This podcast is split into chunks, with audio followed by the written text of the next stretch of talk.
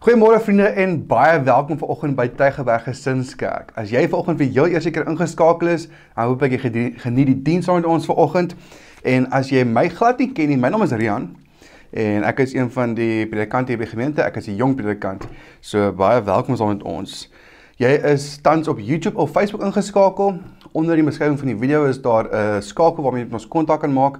Maak gerus met ons kontak indien jy met ons ons hallo sê of jy op die database wil kom en kommunikasie wil ontvang of skakel ons by info@gesinskerk. Nou vanoggend is dit 'n groot voorreg om die boodskap saam met julle boodskap vir julle te bring en dit met julle te deel vanoggend. Ek het baie lanklaas dink ek nie te lanklaas nie, maar so 'n maand en 'n half terug, amper 2 maande, 2 maande terug het ek uh, gepreek en ek preek so een keer 'n kwartaal.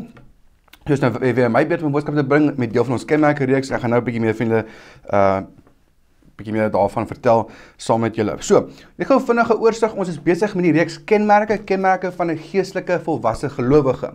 Nou as jy nog nie die boekie het nie, moet ek jou graag vra om na bybelstudie.co.za toe te gaan. Jy kan die boekie daar aflaai. Dit is gratis, dit is 'n PDF.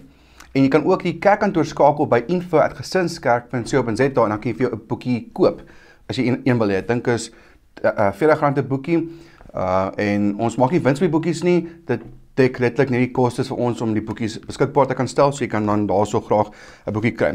So ons is besig met kenmerke van 'n geestelik volwasse gelowige en ons kyk in die reeks hoe behoort 'n kind van die Here se lewe te lyk.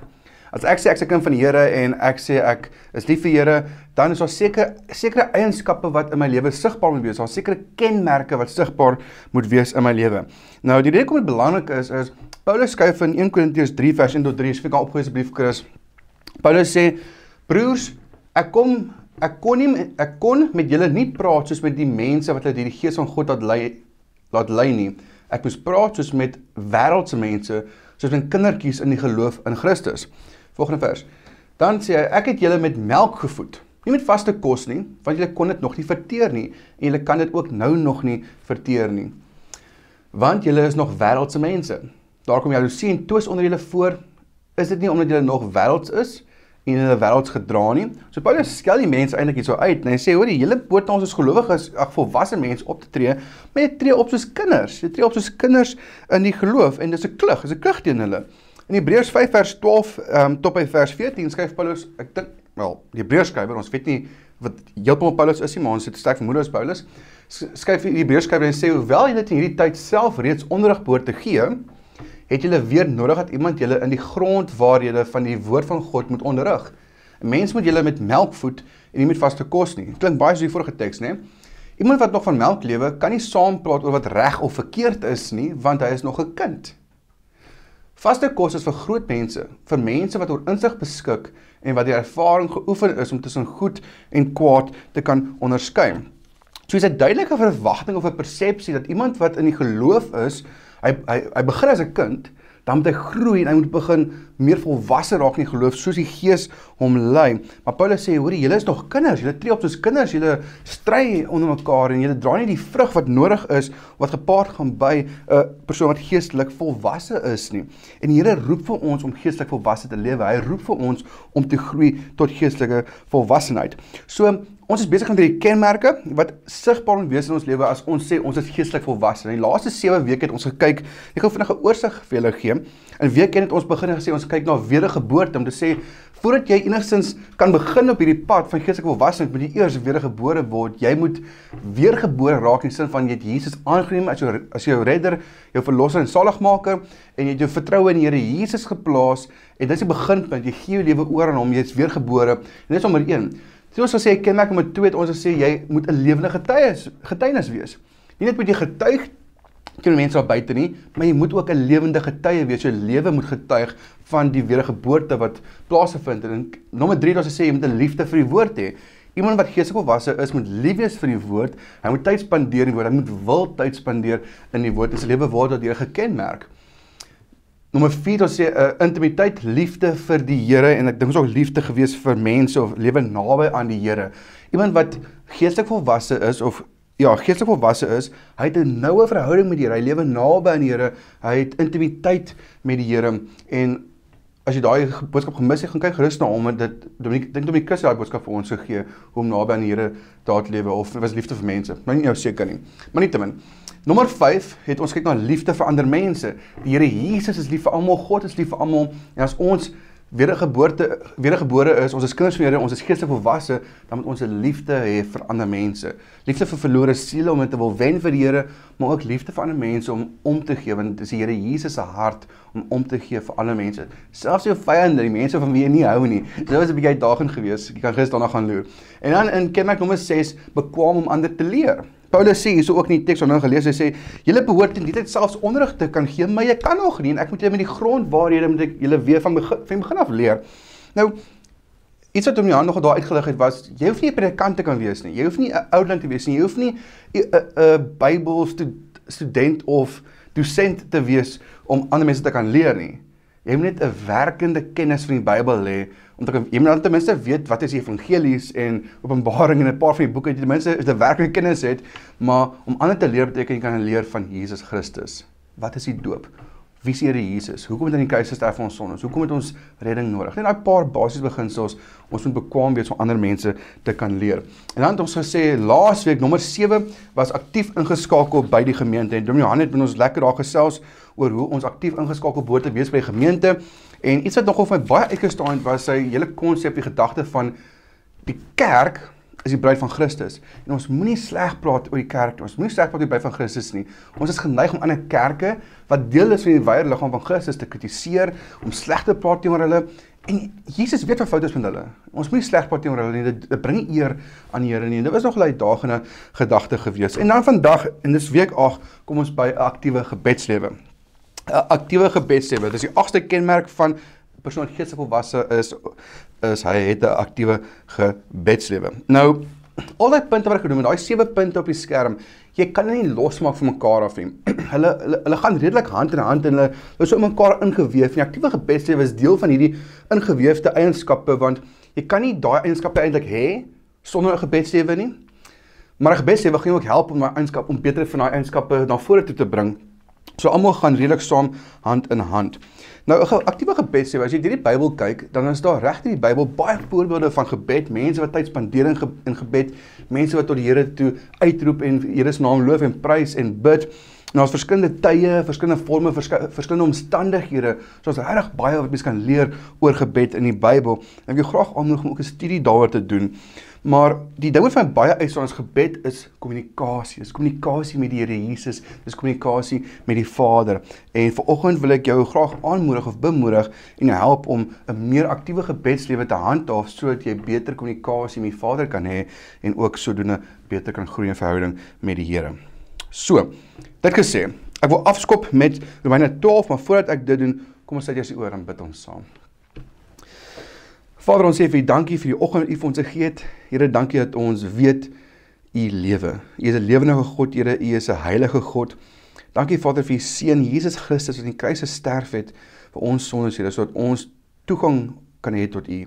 Dat ons deur die deur die Here Jesus met 'n verhouding met U kan hê, Vader. Dankie dat U dit moontlik maak dat ons U vriend kan wees en dat ons kan weet U is ook ons Pa. Here, kom seën vanoggend seën spesifiek vanoggend se boodskap, dit wat ek by my mond uitkom, Here dat die luisteraars se ore en harte sal aanraak hier dat u tot hulle sal spreek dat u woord tot hulle sal spreek dat hulle vanoggend bemoedig sal word. Here ek weet nie van waar of almal inskakel nie. Ek weet nie wat al se lewens aangaan maar Here ek weet u weet. Kom en moet ons vanoggend Here waar ons is. Ons sê vir u dankie. Amen. Amen. Alraai Romeine 12 vers 9 uh vers ja 12 vers 9 tot 12 as jy 'n Bybeltjie gerus uh soontoe blaai. Ek wil graag met julle daarso 'n paar verse lees. So Romeine 12 vers 9 ek in Respi huis gaan lees, maar 'n baie uh baie lekker stukkie daai waar Paulus die riglyne gee vir die Christelike lewe. Sê iemand 'n Christen is, behoort so te lewe. Dis hoe 'n lewe moet lyk. Half soos kenmerke vir 'n geestelike volwasse gelowige, né? Nee? Nou vers 9 skryf Paulus en sê die liefde moet opreg wees, verafskuw wat sleg is en hou vas aan wat goed is. In vers 10 betoon hartlike broederliefde teenoor mekaar, bewys eerbied teenoor mekaar en wees mekaar daarin tot voorbeeld. Moenie in jou toewyding verslap nie, bly altyd geesdriftig en dien die Here.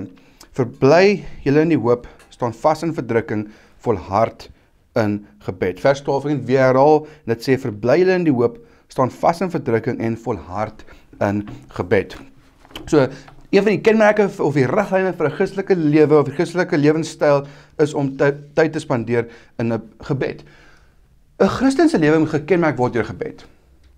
Jy kan nie Christendom en Christen geloof losmaak van gebed nie. Jy kan nie dit hê of doen of beoefen of jy kan nie 'n verhouding hê met die Vader sonder aktiewe gebedslewe nie. Kommunikasie is ongelooflik belangrik. Ek weet jy wie getroud is nie. Dalk is jy getroud, dalk is van jou nie getroud en dalk het jy 'n verhouding gehad in die verlede en ek hoop jy kan hiermee identifiseer, maar verbeel jou 'n man en vrou is getroud. En elke oggend staan die man en die vrou op en die een persoon groet die ander en sê: "Hallo, goeiemôre. Het jy lekker geslaap? Ek hoop jy het 'n lekker dag. Lekker dag, lief vir jou." Maar die ander persoon praat nie terug nie. Die ander persoon antwoord nie. Verbeel jy persoon kom huis toe en jy sê: "Hallo, welkom terug. Wat wil jy vir aandete? Het jy lekker dag gehad? Ehm um, weet, hoe gaan dit met jou en hoe daar's kommunikasie van een persoon, die ander persoon antwoord nie terug nie. Hulle bly in stil. Klink dit vir jou so 'n gesonde verhouding? Dink jy hierdie verhouding gaan werk? Dink jy hy gaan hou? Ek dink nie so nie. 'n Verhouding kan nie gebou word as daar net een rigting kommunikasie is nie altyd persone moet kommunikeer en dit is hoekom gebed vir ons vreeslik belangrik is want dit is hoe ons met die Vader kommunikeer. Baie Christene sit in die bootjie waar hulle sê hulle is kinders van Here, hulle sê hulle glo in God en hulle lees dan 'n Bybel 'n Bybelversie of so, maar het nie 'n aktiewe gebedslewe nie. Dan ontbreek hulle aktiewe verhouding met die Here en dan wonder hulle hoekom. En hulle en en, en weet nie hoe om dit reg te maak nie. Maar vanoggend wil ek vir sê jy het aktiewe gebedslewe nodig as jy nie 'n sterk warm verhouding met die Here het nie. En dis die eerste stap om dit reg te maak. So, vanoggend is die heel moontlik drie tipe mense wat ingeskakel is. Drie drie tipes mense. En ek weet nie wat se een van die drie jy is nie, maar ek wil gou vinnig die drie hardloop. Die eerste tipe persoon het 'n baie goeie gebedslewe. Hulle het 'n aktiewe gebedslewe. Hulle bid heel moontlik 'n paar keer deur die dag. Hulle dalk die oggendstilte tyd en die aand voor hulle gaan slaap, bid hulle weer deur die dag iewers as hulle um, by werk waar ook al tyd vind, dan bid hulle. Hulle bid in die kar. Hulle is deur die loop van die dag is hulle bewus van die Here se teenwoordigheid en gesels met die Here. Daar's 'n sterk aktiewe gebedsverhouding met die Here. Die tweede tipe persoon, hulle het 'n gebedslewe, maar dit is nie meer so aktief nie. Dis nie so aktief soos dit graag wil hê moet wees nie. Hierdie persoon, hulle wil graag meer tyd maak vir gebed. Hulle besef dat gebed belangrik is, maar hulle kom nie so baie in gebed soos hulle dalk wil nie. En die derde persoon sê, "Wat? Wat 'n gebedslewe? Wat is dit? Ek het nie eers so iets. Ek, ek ken ek ken dit nie. En daai persoon vir hom is gebed net glad nie belangrik. Hy dink nie daar eers daaraan nie. Dit is dit is nie eens binne sy verwysingsraamwerk nie. En die derde tipe persoon, hy bid hom net wanneer hy kos eet in die aand wanneer sy sin gaan saam sit en sê dankie vir die kos. Amen. En dan gaan hulle, weet jy, so dit skiet gebedjie en pjoe, weg is hulle. So gebed is glad nie vir hulle belangrik nie. Um en ek weet nie wat se een van die drie tipe persoon jy is nie, maar as jy nie eerste kategorie val waar jy sê ek het 'n sterk aktiewe gebedslewe vir Here, dan wil ek sê prys die Here. Prys die Here, ek is bly vir jou. En ek wil jou asseblief vra, moenie vanoggend in slaap raak nie, maar eerder wil ek jou vra kom help vir ons. Kom help vir ons om 'n voorbeeld te stel vir die van ons wat in groep 2 of groep 3 is, sodat jy ons kan aanmoedig om 'n meer sterker aktiewe gebedslewe te handhaaf sodat ons die Here Jesus ook beter kan leer ken. Maar vriende, as jy in groep 2 of groep 3 val, Dan wil ek vir 'n paar wenke gee vanoggend en ek bid en hoop regtig dat dat jy sou help dat jy na vanoggend sal kom besef die belangrikheid van gebed en dat jy 'n paar praktiese stappe het om 'n meer aktiewe gebedslewe te kan ehm um, te kan kry. So, die vraag is, hoe kry ek my gebedslewe weer aktief? Nommer 1, maak gebed 'n prioriteit. Maak gebed 'n prioriteit. 1 Kronieke 16 vers 11 sê soek hulp en beskerming by die Here, soek gedurig sy teenwoordigheid. Soek gedurig sy teenwoordigheid.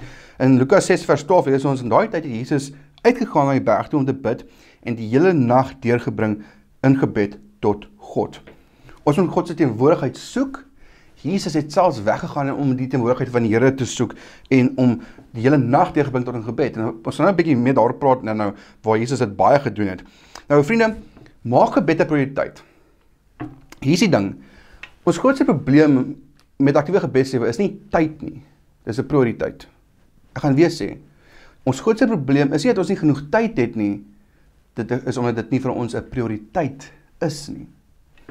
En ek kan ook sê, Marian, my dag is regtig besig. My program is regtig vol. Ek het nie baie tyd vir gebed nie. Ek verstaan dit.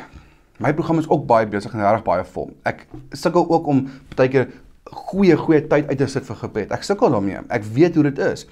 Maar hier is die ding. As gebed vir ons 'n prioriteit is, dan gaan ons tyd maak daarvoor. Ons as mense, ons as wesens, ons maak tyd vir dinge wat vir ons 'n prioriteit is. As werk vir my 'n prioriteit is, ek maak tyd daarvoor. As familie vir my 'n prioriteit is, ek maak tyd daarvoor.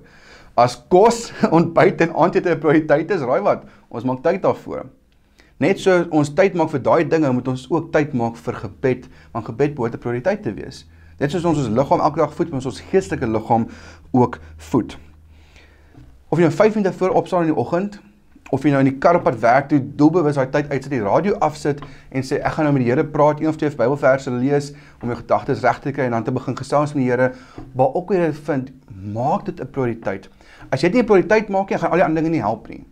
Die ander dinge gaan jou help as jy hierdie eerste prioriteit maak. Soos die eerste stap maak dit 'n prioriteit want Jesus vir Jesus was gebed baie lank gewees. En Jesus het vir ons 'n voorbeeld gestel om vir ons te wys hoe om dit 'n prioriteit te maak. Maar hoe het Jesus dit gedoen? Jesus het iets gedoen. Ek het nou die vers gelees en gaan nou weer lees. Jesus het iets gedoen wat wys dat gebed vir 'n prioriteit was. Dit was hy het homself heeltyd afgesonder. Jesus het homself gedurig afgesonder. Dis punt nommer 2. Hoe kan ek my gebedslewe meer aktief maak sonder jouself af? Matteus 6 vers 6 sê Jesus: "Nee, as jy bid, gaan na jou kamer toe, maak die deur toe en bid tot jou Vader wat jy nie kan sien nie. Die Vader wat sien wat verborge is, sal jou beloon." Nou gaan gehou geval op Chris. Verbeel jou vir 'n oomblik, ons verander ons 'n klein bietjie. Ons verander nie woord nie, maar ons sit hom binne in ons in ons huidige konteks. Nee, as jy bid, gaan na jou kamer toe en los die selfoon en die rekenaar en die TV en alles buite die kamer, maak die deur toe met om jouself af te sonder beteken jy raak ontslaa van alle dinge wat jou aandag gaan aftrek. Alle aandag afleibare dinge. Dit is regtig moeilik om te gaan sit en bid en jou foon is langs jou en maak piep piep piep piep. Kom al die WhatsApp boodskappe die deur en e-posse in die oggend as jy opstaan en Instagram posts en Facebook en kennisgewings alles net soos jy die foon is heeltyd besig. Oomblik as dit doen nou jy skielik is ah, ek wil ek, ek, ek wil kyk wat gaan aan ek wil kyk ek gaan ek gaan vinnig kyk raak ons slaaf van alle dinge wat jou aandag gaan aflei. Kyk vind 'n vertrek in die huis 'n kamer, 'n vertrek buite in die tuin waar ek vind 'n vertrek of 'n area waar jy kan sit met jou Bybel, waar jy kan Bybel lees en kan bid, waar daar geen dinge om jou is wat jou aandag gaan aftrek nie. Lukas het verstaan as lees, Jesus het uitgegaan na die berg toe. Jesus het homself verwyder van die situasie, omstandighede waar homself bevind het en hy het homself afgevat waar homself afgesonder het. Ons lees in Lukas 9 vers 18. Ehm um, lees ons ook waar Jesus sê op 'n keer terwyl Jesus eenkant besig was om te bid. Hy was waar besig was om te bid? Eenkant. Jesus het homself gedurig afgesonder. En hier is een van die redes hoekom ons baie keer sukkel om aktiewe gebedslewe te handhaaf. Ons het te veel dinge ons aandag aftrek. En ek weet nie wat jou aandag aftrek nie, maar as daar iets wat jou aandag aftrek, jy weet wat dit is. Ek weet nie vir jou te sê nie.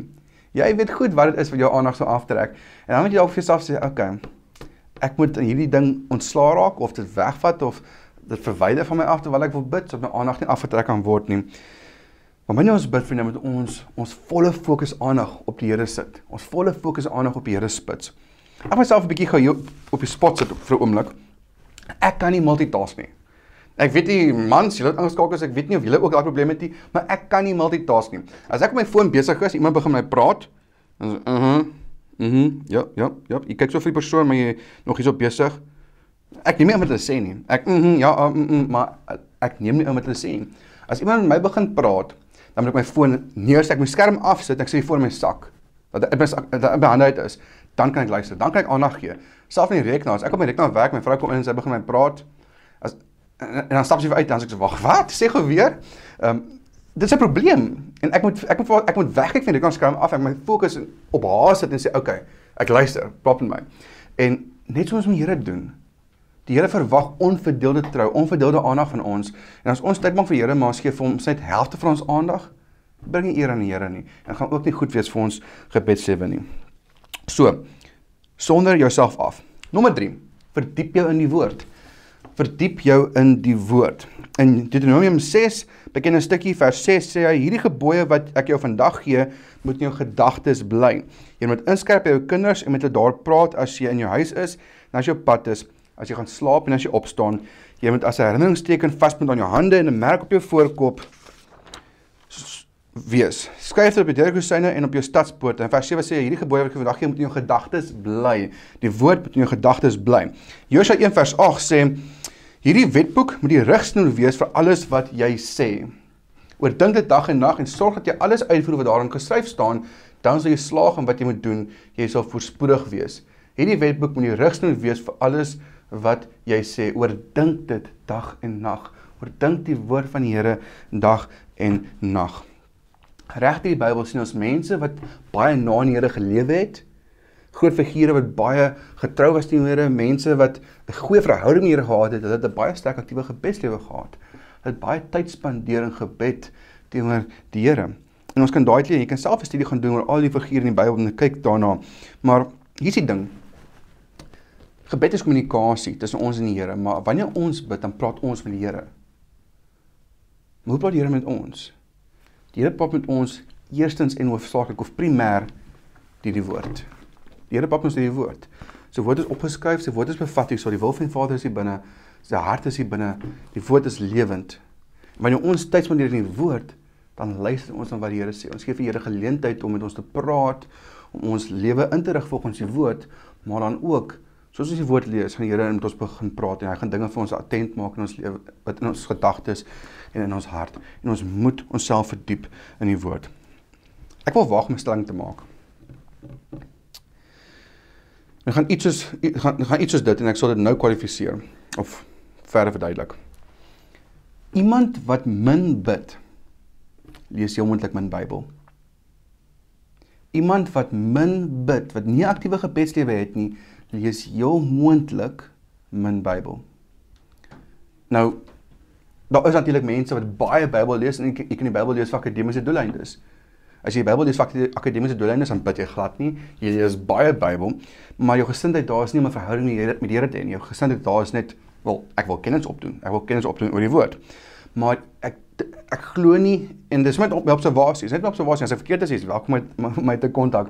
Maar ek glo nie jy kan aktiewe gebedslewe handhaaf, 'n sterk gebedslewe sonder enige skrif beskouing. Jy kan nie of ehm um, bestudeering van die skrif nie. Jy kan nie die twee losmaak van mekaar, die twee gaan hand in hand. Met ons tyd spandeer in die woord en ons het 'n verhouding met die Here, dan kan ons nie anders as om daarop te reageer en net te begin bid en vir Here dankie te sê en alles nie. Gebed is 'n spontane reaksie met die kommunikasie tussen my en die Here. En Ons moet versigtig wees om net Bybel te lees nie te bid nie. As ons reg as ons heeltyd die Bybel lees, maar ons bid glad nie, dan is dit een rigting kommunikasie, waar verhouding gaan 'n bietjie begin swaar kry, maar wat gebeur?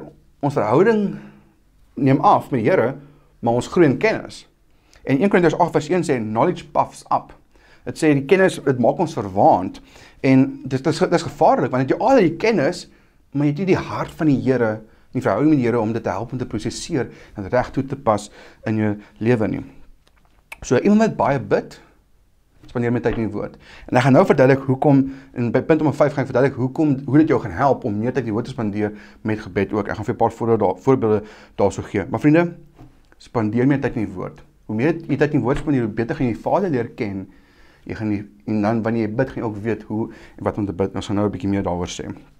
Die vierde punt gaan 'n bietjie snaaks klink en dit is Hou aan bid. Hou aan bid. Jy sê, "Ria, maar toe man, dis mos nou weet, hoe gaan dit my help?" Weet, hou aan bid. Dis iemand wat wat wat sukkel met die dieet. Jy sê van wel, hou net aan reg eet. As dit so maklik was, weet soos Regtig, is so eenvoudig. Hou aan bid. Kom vir hoekom? Lukas 18 vers 1 sê Jesus het vir hulle 'n gelykenis vertel om te om duidelik te maak dat 'n mens altyd moet aanhou bid sonder om moedeloos te word. Hou aan bid sonder om moedeloos te word. In Efesiërs 6 vers 18 sê doen alles bidtend Dan gaan hy aan en sê wees waaksaam en bid geduldig vir alle gelowiges. Bid geduldig. Nou is nog verse, ons baie verse wat ons na kan kyk wat vir ons sê oor hoekom ons dat ons moet aanhou bid. Die vraag is hoekom? Hoekom sukkel ons hiermee? Baie mense het nie aktiewe gebedslewe nie want hulle hou net eenvoudig op en bid. Dink 'n bietjie daaroor.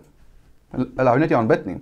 En daar's 'n paar redes dalk daarvoor. Ek dink eersins ons aandag word afgelei.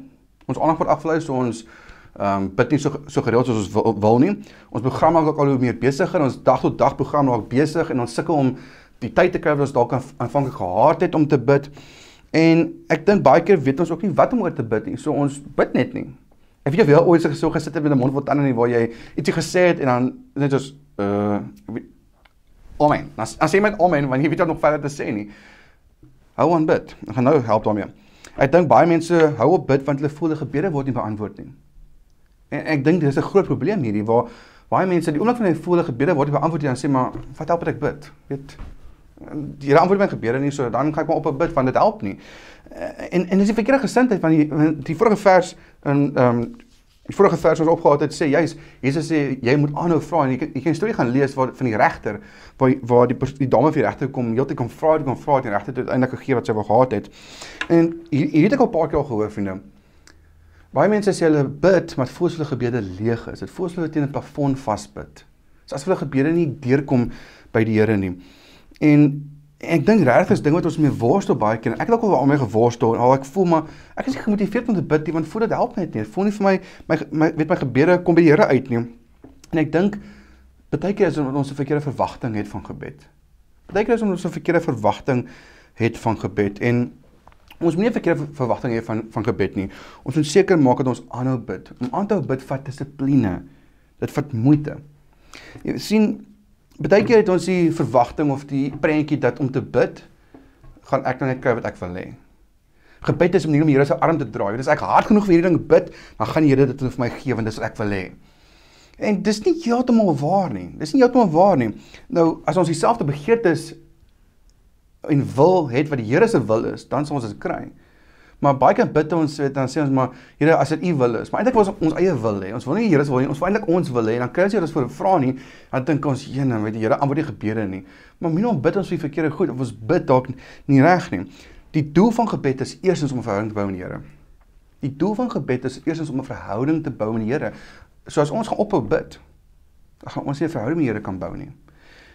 En tweedens, die doel van gebed is om ons drome en ons planne en begeertes in lyn te bring met wat die Here se drome, planne en begeertes is. Dominee Johan sê altyd, die doel van gebed is nie om nie om God op ons agenda te plaas nie. Die doel van gebed is om op, is om my op God se agenda te plaas. So ek gaan kyk, wat is die hartklop van die Vader? Wat is die wil van die Vader? En dan sê Here, help my om my begeertes, my wil, my agenda dieselfde as U sin te maak. En raai wat? Daar gaan gebeur. Jy gaan kry wat jy voor vir, jy gaan kry, kry wat jy voorbid. En as jy verkeerde begeertes begeertes het, dan die bid en val jy vir die regte begeertes gee. Net iets om oor te dink. As ons lief is vir Here en ons ken Here, dan gaan ons die regte begeertes hê, ons gaan die regte dinge wil hê en begeer. En dan gaan Here vir ons gee want dan is dit dinge wat Here in afval vir my en jou wil hê. Toe ek voorberei het, het ek nou het ek 'n 'n stukkie raak gelees in 'n kommentaar iewers en ek weet nie wie die skrywer is nie, maar ek wil graag hierdie met julle deel. Dit is 'n Engelse ehm um, aanhaling. Dit sê prayer is an active engagement with God. Dan sê die volgende: Prayer makes us change our attitudes and change our ways. Prayer makes us check our attitudes and change our ways. Vriende, moenie op 'n bid nie. Wanneer jy aanhou bid, gebed gee vir ons geleentheid, help vir ons om ons eie gesindheid te toets en help ons om ons gedrag en begeertes en goeders te verander en in lyn te bring met die wat die Vader se is. Nommer 5. Hoe kan ek 'n aktiewe gebedslewe handhaaf? Leer wat om te bid. Party mense sukkel om te bid want hulle weet nie wat om te bid nie. En ek weet jy of jy dalk ook in daai boetjie al was nie waar jy sê maar ek weet nie hoe om te bid nie, ek weet nie wat om te bid nie, ek is dalk te bang om te of te skaam om te bid. Dan wil ek dan wil ek vir 'n paar wenke gee. In Matteus 6 vers 9 het ons die Onse Vader en Jesus begin en sê so moet julle bid. En dan nie Onse Vader gee vir hulle wat en hoe hulle moet bid. Hy gee vir hulle 'n raamwerk, 'n struktuur om te volg. En gebed was baie belangrik want Jesus het, het sy disippels ook geleer hoe om te bid en daarom moet ons ook leer hoe om te bid. Ek gaan vinnig net ge uh uh wat 'n news flash of 'n advertensie breek vat. Nou ons is besig met die kenmerke reeks, die boekie. Maar ons het 'n boekie hele rukkie terug gedoen, baie jaar terug. Here leer ons bid. sien, hy's nog in plastiek toegevou. Elke boekie wat wat ek maak sit ek in plastiek en word in 'n kas gebou sodat ek dan 'n kopie van hom het. Nou op Bybelstudie.com sê daar is die boekie daar af, um, daar beskikbaar. En in die reeks Here leer ons bid, gaan ons deur die die onsse Vader en ons kyk na 'n paar wenke vir gebed en dan kyk ons okay, hoe kan ek bid? Hoe moet ons bid? Maar ek wil 'n paar wenke vir jou ook gee oor hoe kan ons bid.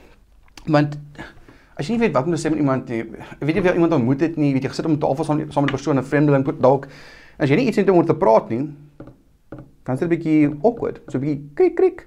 Ehm um, met en daar's nie lekker jy kan nie 'n verhouding met iemand bou, 'n vriendskap met iemand bou as jy nie iets het om oor te gesels nie, daar's nie kommunikasie wat kan plaasvind nie. Maar as jy na die Bybel gaan kyk, dan is daar regtig baie dinge wat ons oor kan bid. Daar's reg baie dinge wat ons kan leer in die Bybel wat ons oor kan bid. Die Bybel gee ons opdrag om 'n paar dinge te bid. Byvoorbeeld in die Nuwe Testament sê die Bybel vir ons ons moet bid vir ons leiers. Bid vir jou bid vir die bid vir die leiers van die land, bid vir die president. Nou as ek dit sê, omdat ek so baie dinge wat ons kan bid en 'n paar dinge wat ons dalk nie altyd wil sê nie, maar ons moet vir hulle bid. Ons moet bid dat hulle reg sou lei. Ons moet bid vir ons vervolgers, ons moet bid vir die regering, ons moet bid vir arbeiders. Hier sê bid vir arbeiders dat die Here arbeiders sal stuur sodat die oes ingesamel kan word. Ons moet bid vir mekaar en bid tot die Here. Daar's baie voorbeelde vir dinge wat ons kan bid, maar ons moet gaan soek daarvoor in die woord. Maar nou 'n praktiese voorstel. John Piper Hy wanneer mense hom vra hoe moet ek bid? Ek weet nie wat om te bid nie. Ek weet nie vir wie moet ek of wie moet ek nie bid nie. Toe John Piper 'n voorstel gee en sê hy, hy noem dit hy noem dit circles of influence, maar dit gaan oor jou binnekring, jy het sulke kringe om jou. Hy sê begin heel eers by jouself. Nadat jy 'n dankgebed gegee het, Here gedank het vir alles wat jy het en sy naam groot gemaak het, geloof en prys het, dan bid jy vir jouself. Wat is jou behoeftes? Wat is die dinge wat jy mee worstel, wat jy mee sukkel? En jy bid met alles wat tot jouself tot betrekking het. En dan bid jy vir jou familie, vir jou man of jou vrou, vir jou kinders. En dis die volgende sirkel. En jy bid vir hulle en met hulle tot betrekking het en jy dra hulle op aan die Here. En dan as jy nog tyd het, dan bid jy vir jou wyeer familie. En dan begin jy vir jou vriende bid en dis dis 'n groter sirkel. En dan as jy vir hulle klaar gebid het, Dan kan jy begin bid vir die kerk, vir die mense in jou gemeenskap. Jy vat hom een stapie verder, net elke keer 'n groter sirkel, 'n wyeer sirkel. En tot jy eventueel bid vir hele wêreld. En as jy daai sirkels begin gebruik, mag jy baie hê om oor te bid. As jy dink aan jou familie en jou vriende en kollegas by die werk en dalk mense in die kerk, mense in die gemeenskap, dan is daar reg baie dinge wat ons voor kan bid. Maar neem dit ons net bietjie stil raak en bietjie dink daaroor. Ag ons sien hier's 'n klomp dinge wat ons voor kan bid.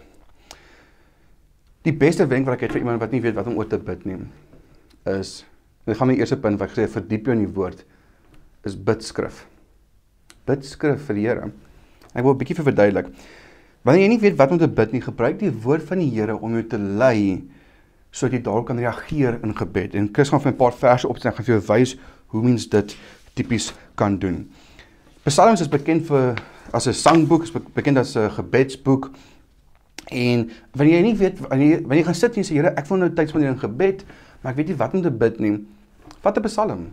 Psalm 1 gaan 'n bietjie moeilik wees, maar enige vat reg enige Psalm en van 'n vers of vers, ek gaan nou vir jou wys hoe jy dit kan doen. Kom ons vat byvoorbeeld Psalm 3 vers 5. Jy jy weet nie wat om te bid nie. Jy maak op jy sê, "Oké, okay, ek gaan begin met Psalm 3. Ek gaan nou net ek gaan net 'n paar verskillende psalms aanhaal, maar ek wil hê jy moet stappie vir stappie hierdie Psalm gaan. Jy vat een Psalm, raak net 'n paar verse. Maar kom ons sê ons kom ons sê jy het Psalm 3 vers 5. Jy lees Psalm 3 vers 5 en sê As ek na die Here roep, antwoord hy my van sy heilige berg af.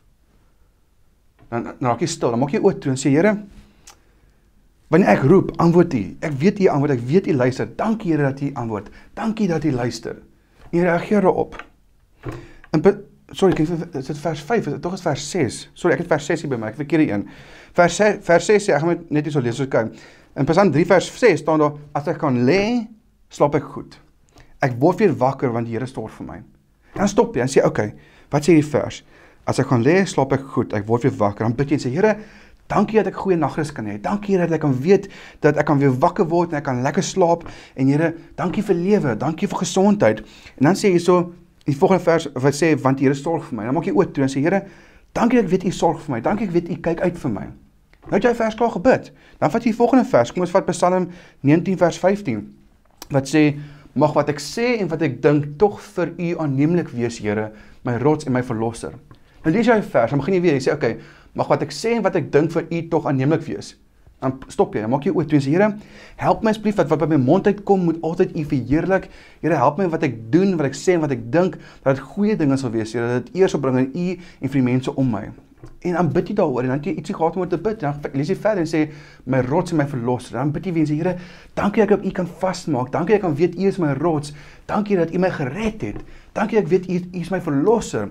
Dankie Here, dankie. Here, mag U vir ander mense ook verlos. Help my om mense na U toe te bring. Hier is 'n paar verse. Kom ons vat Psalm 25 vers 4.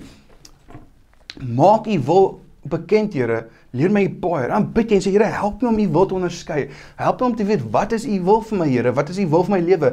Leer my u baie Here. Help my om te om die tyd in woord te spandeer dat ek so leer by u. Dankie daarvoor. En jy bid net die skrif, jy bid die woord van die Here terug. Laas laaste laaste een Psalm 27 vers 1 waar hy sê Die Here is my lig my redder, vir wie sou ek bang wees? En maak jy oop toe en sê Here, my vertroue is in U. Ek is bang vir niks en niemand nie, want U is my redder, U is my lig. U is die een wat my laat veilig voel. Here is my toevlug, vir wie sou ek vrees? En dan sê Here, daar's baie dinge wat in ons land aangaan, ons baie dinge wat om my gebeur, ons baie geweld, ons baie dinge waaroor ek bang is. Here, ek is dalk 'n bietjie bang, maar my help my Here dat ek nie sou vrees nie. Vriende, dit gee vir Here soveel genot en soveel plesier wanneer ons reageer op sy woord. Dit gee vir ons soveel genot en plesier wanneer ons reageer op sy woord. Wanneer jy 'n verhouding het met iemand, of dit 'n vriendskap is of iets meer as dit. En daai persoon praat met jou en hulle deel met jou, hulle praat met jou oor hulle dag of iets wat hulle opgewonde maak. En jy antwoord nie daarop nie. Dit laat daai persoon sleg voel.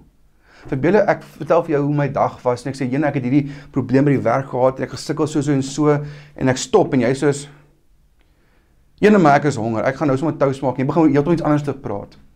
Dit gaan my net lekker voel. Ek gaan voel maar hoorie, ek het nou my hart met jou gedeel. Ek het nou my dag met jou gedeel en jy reageer nie eens daarop nie. En net so vriende wanneer ons tyd spandeer in die woord en ons lees die woord van die Here en ons reageer op die woord van die Here in gebed, dan gaan daai verhouding net nog meer stewiger en vas maak met die Here en dan gaan die Here soveel genot gee, maar gaan vir jou ook genot gee. En ek kan jou beloof, jou gebedslewe gaan regtig groei as jy dit so kan regdoen. Vir afskakel om die laaste punt.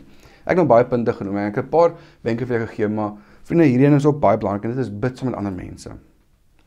Bid saam met ander mense. In Handelinge 2 vers 44 lees ons hulle het hulle heel hartig toegeleef op die leer van die apostels en die onderlinge verbondenheid, die gemeenskaplike maaltyd en die gebede. Vriende, die vroeë kerk was 'n kenmerk geweest dat hulle daagliks bymekaar gekom het, hulle tyd saam spandeer in gebed. Ek wil jou aanmoedig, as jy nie ingeskakel is by 'n gebedsgroep nie, skakel in by gebedsgroep. Gebedsgroepe is gewoonlik een van die bedieninge wat die minste getalle het in 'n gemeente. Dis een van die dalk die swaarste kry. En weet jy hoekom? Want dis moeite. Dis moeite. Ek weet. Chris hier sou uit vir ons 'n gebedsgroep begin laaste kwartaal donderdagoggende kwart oor 6 of half 7 tot 7 uur. En ek self het een of twee oggende vergeet of verslaap en, en terug het nie gemaak nie. En ek skaam om dit te sê, maar ek weet van verg moeite.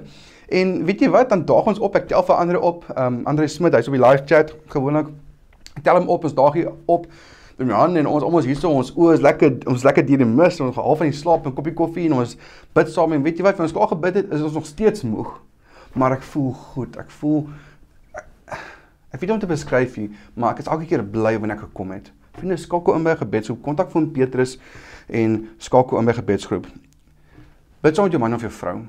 Nie alleen bid bid saam met jou man of jou vrou. Jy verhouding gaan soveel sterker en beter raak as jy saam mekaar kan bid. Bid saam met jou vriende. As jou vriend bly is oor iets, bid dan dan saam met hom en sê Here, dankie dat U hom gesien het. Dankie vir hierdie gebeur. As iets verkeerd is, bid daar en dan. Moenie wegstap sonder om saam met jou vriend te bid oor daardie ding wat nou daai belangrike ding in sy lewe wat nou gebeur het nie. Skakel by Bybelstudie groep is nog 'n opsie en dan hierse laaste enetjie bid aan te bid. Dit is altyd interessant by familie etes of iets dan kyk ons op mekaar en sê wie gaan nou bid? Dan krik krik krik krik. Nee man. Dit stop en sê, "Yes, ek wil bid, steek jou hand op en sê ek wil bid. Ek wil bid." Vriende, gebed is iets wat ons moet uitsien. Dis ons verhouding met die Here, dis kommunikasie met die Here. Dis iets wat ons moet bly maak. Dis nie dit moet nie iets wees wat ons voor bang is nie. Dit moet iets wees waarna ons uitsien. Ses stappe vriende hoe jy 'n meer aktiewe gebedslewe kan handhaaf. Ek hoop dit jou aanmoedig of bemoedig vanoggend en dalk is jy nie waar jy wil wees nie. Maar weet jy wat? Maak jou oë toe en bid. Maak jou oë toe en bid saam met my. Ek gaan nou afsluit in gebed en dan bid jy saam met my die volgende bid. Kom ons sê oor en bid ons saam. Vader, dankie Here dat ons U kan ken. Dankie dat ons U woord het om oor U te leer, Here, en ons op U woord kan reageer. Maar Here, baie keer bid ons nie genoeg soos ons graag wil nie. Here, dalk is U iemand wat saam met my ingeskakel is, Here, wat sukkel met 'n gebedslewe. Hulle sê maar Here, ek bid nie soveel soos ek graag wil bid nie. Ek maak nie tyd soos ek ook tyd moet maak vir gebed nie. Here, dan wil ek bid en vra Kom help ons Here, kom help ons dat ons sal tyd maak vir gebed, dat gebed 'n prioriteit sal wees in ons lewe, Here. Maar Here, ons besef hoe belangrik dit is. Dit is nie belangrik vir U nie, maar dit is belangrik vir ons ook want dit is hoe ons verhouding met U kan groei. Dit is hoe ons 'n uh, uh, geestelik meer volwasse kan word, Here, en kan leer om dieselfde hartklop as U hart te hê. Here, kom seën vir my vriende wat saam met ingeskakel vanoggend. Here, almal wat later ook die boodskap gaan kyk.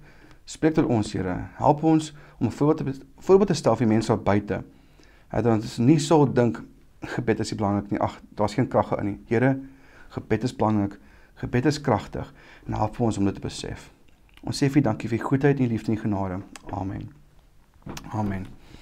Vriende, baie dankie vir my ingeskakel het. Ons gaan oorskakel na Kenneth toe vir 'n oomblik. Ek is nou weer terug by julle. Totsiens.